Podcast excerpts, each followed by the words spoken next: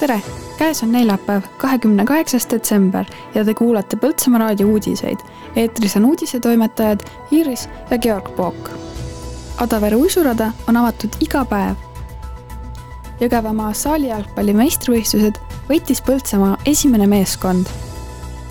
Põltsamaa suusatuur kaks tuhat kakskümmend neli Kuningamäe terviserajal alustab kolmekümnendal detsembril uuenenud Põltsamaa lossikompleksil on aasta möödunud edukalt. Adavere uisuraja selle talve esimene jääkate avati uisutajatele novembri lõpus. aasta lõpuni on jäärada uisutajatele avatud nädala sees kui ka nädalavahetustel. kohapeal saab laenutada uiske, mis maksavad täiskasvanutele hinnaga viis ja lastele kolm eurot. jooksvat infot leiab Adavere uisuraja Facebooki lehelt räägib uisuraja meister Väino Treimann. uisutajaga läheb hästi, rada on hea ja raba, aga rahvast on vähe. et nüüd lubab kaks päeva nagu sula, aga siin oli eelmine kord ka sula, me olime ikka lahti. teisipäeval, kahekümne kuuendal detsembril toimus Põltsamaa Felix hallis Jõgevamaa saali jalgpalli meistrivõistlused, kus võttis tänavu osa seitse võistkonda terve päeva väldanud meistrivõistlustel suudeti esikoht jätta Põltsamaale kui resultatiivseim oli Põltsamaa esimene võistkond, alistades vastased väravavahedega kakskümmend neli, kolm. teise koha saavutas Motiiv spordi ühisvõistkond ja kolmandale kohale tuli Jõgevamaa Wolves esimene võistkond. esikoha meeskonda kuulusid Marek Martinson, Risto Liiv, Andreas Alnek, Margo Parkla, Martin Petrov, Sander Orion, Rauno Pikver, Alvar Kuusik ja Riigo Baumets. Põltsamaa suusatuuri etapid toimuvad laupäeval, kolmekümnendal detsembril, kahekümne kolmandal jaanuaril, kolmeteistkümnendal ja neljateistkümnendal veebruaril, viiendal ja seitsmeteistkümnendal märtsil. nimeline registreerimine koha peal. lapsed kuni kaheksateistaastaseni on tasuta ning täiskasvanutel spordimaks on kolm eurot.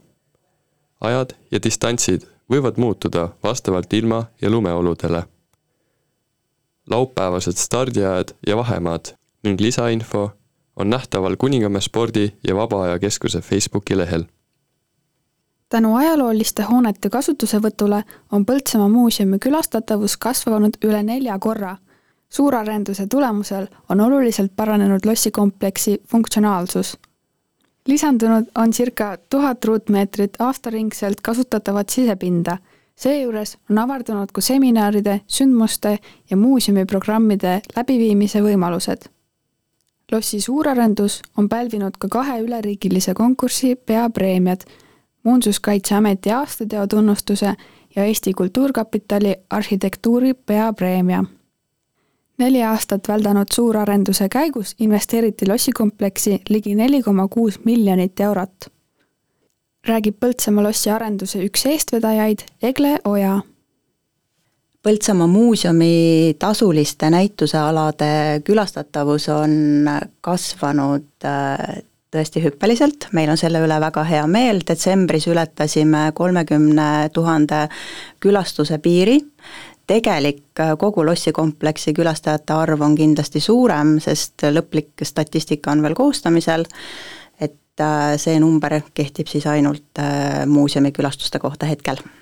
arendustöö kindlasti jätkub, tänagi on arendamisel ja uuendamisel Põltsamaa veini- ja toidumuuseumi ala, laste mänguala vajab lõpetamist, pooleli on konserveerimistööd äh, läänenurgas, kindlasti sooviksime lossitornile avatäiteid, ka selles osas on Muinsuskaitseametile esitatud toetustaotlus, konserveerimist ja sellist esitluslahendust ootab ka kaevuleid ja arendustööd siin õuealadel jätkuvad ka uuel suvel kindlasti. Väga hea meel on meil selle üle, et me oleme leidnud lossikompleksi toitlustaja, kellega koos äh, on uuendatud veinikelder ja täna tegutsemas seal siis restoran Oberbalen, et äh, kindlasti võin öelda seda, et äh, tänu toitlustusteenusele on meie külastajate külastusaeg siin lossikompleksis kindlasti pikenenud, kõigil tuju parem ja, ja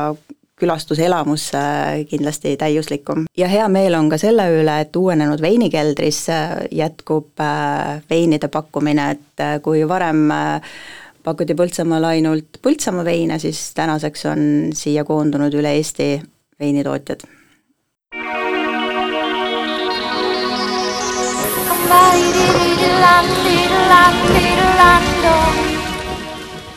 täna, kahekümne kaheksandal detsembril on peamiselt pilves ilm. mitmel pool sajab päevale jooksul lund. saartel ka vihma või lörtsi, kohati tuiskab. kagu- ja lõunatuul tugevnev neli kuni kümme, saartel kuni seitse kuni kolmteist meetrit sekundis. Keskpäeval on temperatuur Põltsamaal, Raplas, Viljandis, Võrus ja Rõhvis miinus kaks, Tallinnas miinus üks külmakraadi saartel on pluss üks soojakraadi. õhtul temperatuur tõuseb